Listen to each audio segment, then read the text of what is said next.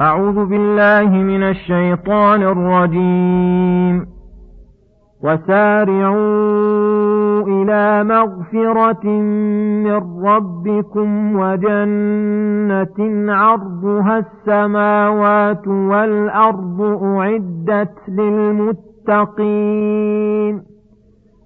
الذين ينفقون في السراء والضراء والكاظمين الغيظ والعافين عن الناس والله يحب المحسنين والذين إذا فعلوا فاحشة أو ظلموا أنفسهم ذكروا الله ذكروا الله فاستغفروا لذنوبهم ومن يغفر الذنوب إلا الله ولم يصروا على ما فعلوا وهم يعلمون.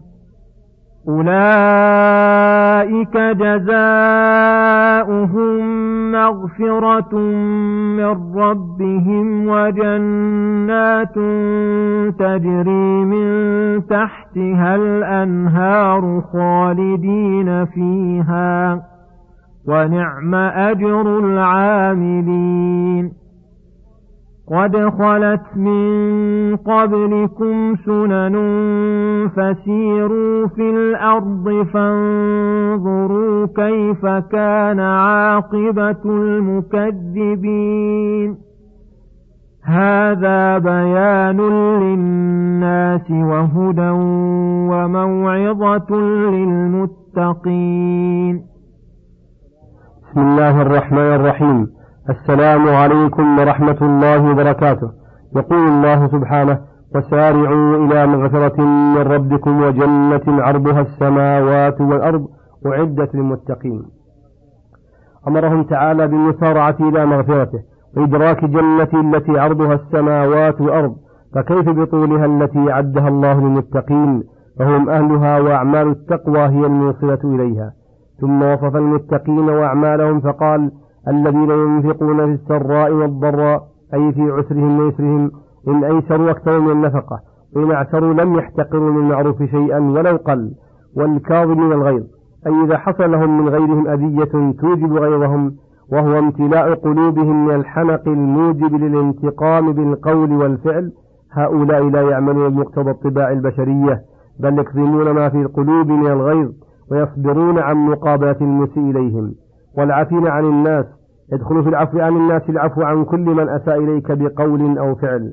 والعفو أبلغ من الكظم لأن العفو ترك المؤاخذة مع السماح عن المسيء. وهذا إنما يكون ممن تحلى بالأخلاق الجميلة وتخلى عن الأخلاق الرذيلة وممن تاجر مع الله وعفى عن عباد الله رحمة بهم وإحسانا إليهم وكراهة لحصول الشر عليهم. وليعفو الله عنه ويكون أجره على ربه الكريم لا على العبد الفقير كما قال تعالى فمن عفا وأصلح فأجره على الله ثم ذكر حالة أعم من غيرها وأحسن وأعلى وأجل وهي الإحسان فقال تعالى والله يحب المحسنين والإحسان نوعان الإحسان في عبادة الخالق والإحسان في إلى المخلوقين.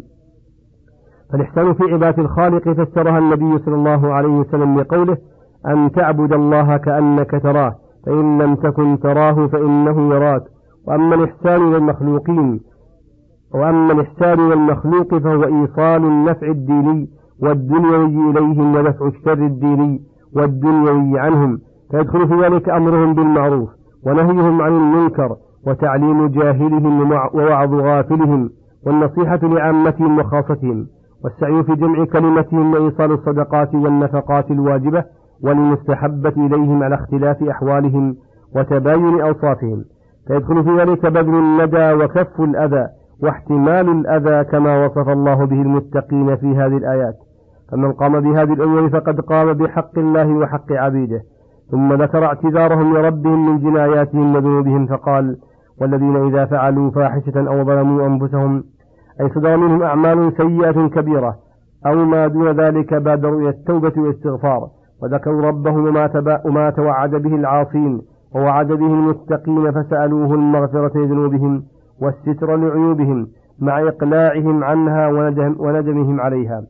فلهذا قال ولم يصروا على ما فعلوا وهم يعلمون أولئك الموصوفون بتلك الصفات جزاؤهم, جزاؤهم مغفرة من ربهم تزيل عنهم كل محذور وجنات تجري من تحت الأنهار فيها من النعيم المقيم والبهجة والحبور والبهاء والخير والسرور والقصور والمنازل الأنيقة العاليات والأشجار المثمرة البهية والأنهار الجاريات في تلك المساكن الطيبات خالدين فيها لا يحولون عنها ولا يبغون بها بدلا ولا يغير ما هم فيه من النعيم ونعم أجر العاملين عملوا الله قليلا فأجروا كثيرا فعند الصباح يحمد القوم السرى وعند الجزاء يجد العامل أجره كاملا موفرا.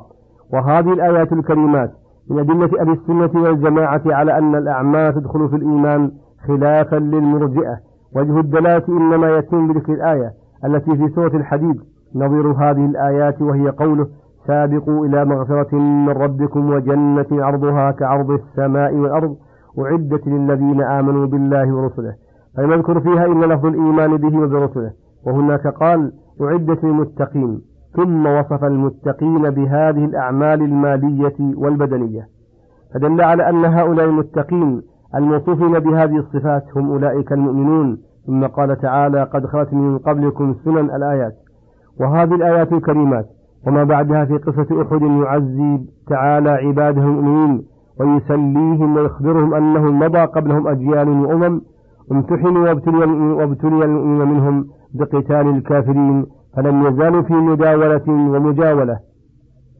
فلم يزالوا في مداولة ومجادلة حتى جعل الله العاقبة للمتقين والنصر لعباده المؤمنين. وآخر الأمر حصلت الدولة على المكذبين وخذلهم الله بنصر رسله وأتباعهم. فسيروا في الأرض بأبدانكم وقلوبكم فانظروا كيف كان عاقبة المكذبين. فإنه فإنكم لا تجدونهم إلا معذبين بأنواع العقوبات الدنيوية. قد خوت ديارهم وتبين لكل أحد خسارهم وذهب عزهم وملكهم وزال بذخهم وفخرهم. أفليس في هذا أعظم دليل؟ وأكبر شاهد على صدق ما جاءت به الرسل. وحكمة الله التي يمتحن بها عباده ليبلوهم ويتبين صادقهم من كاذبهم.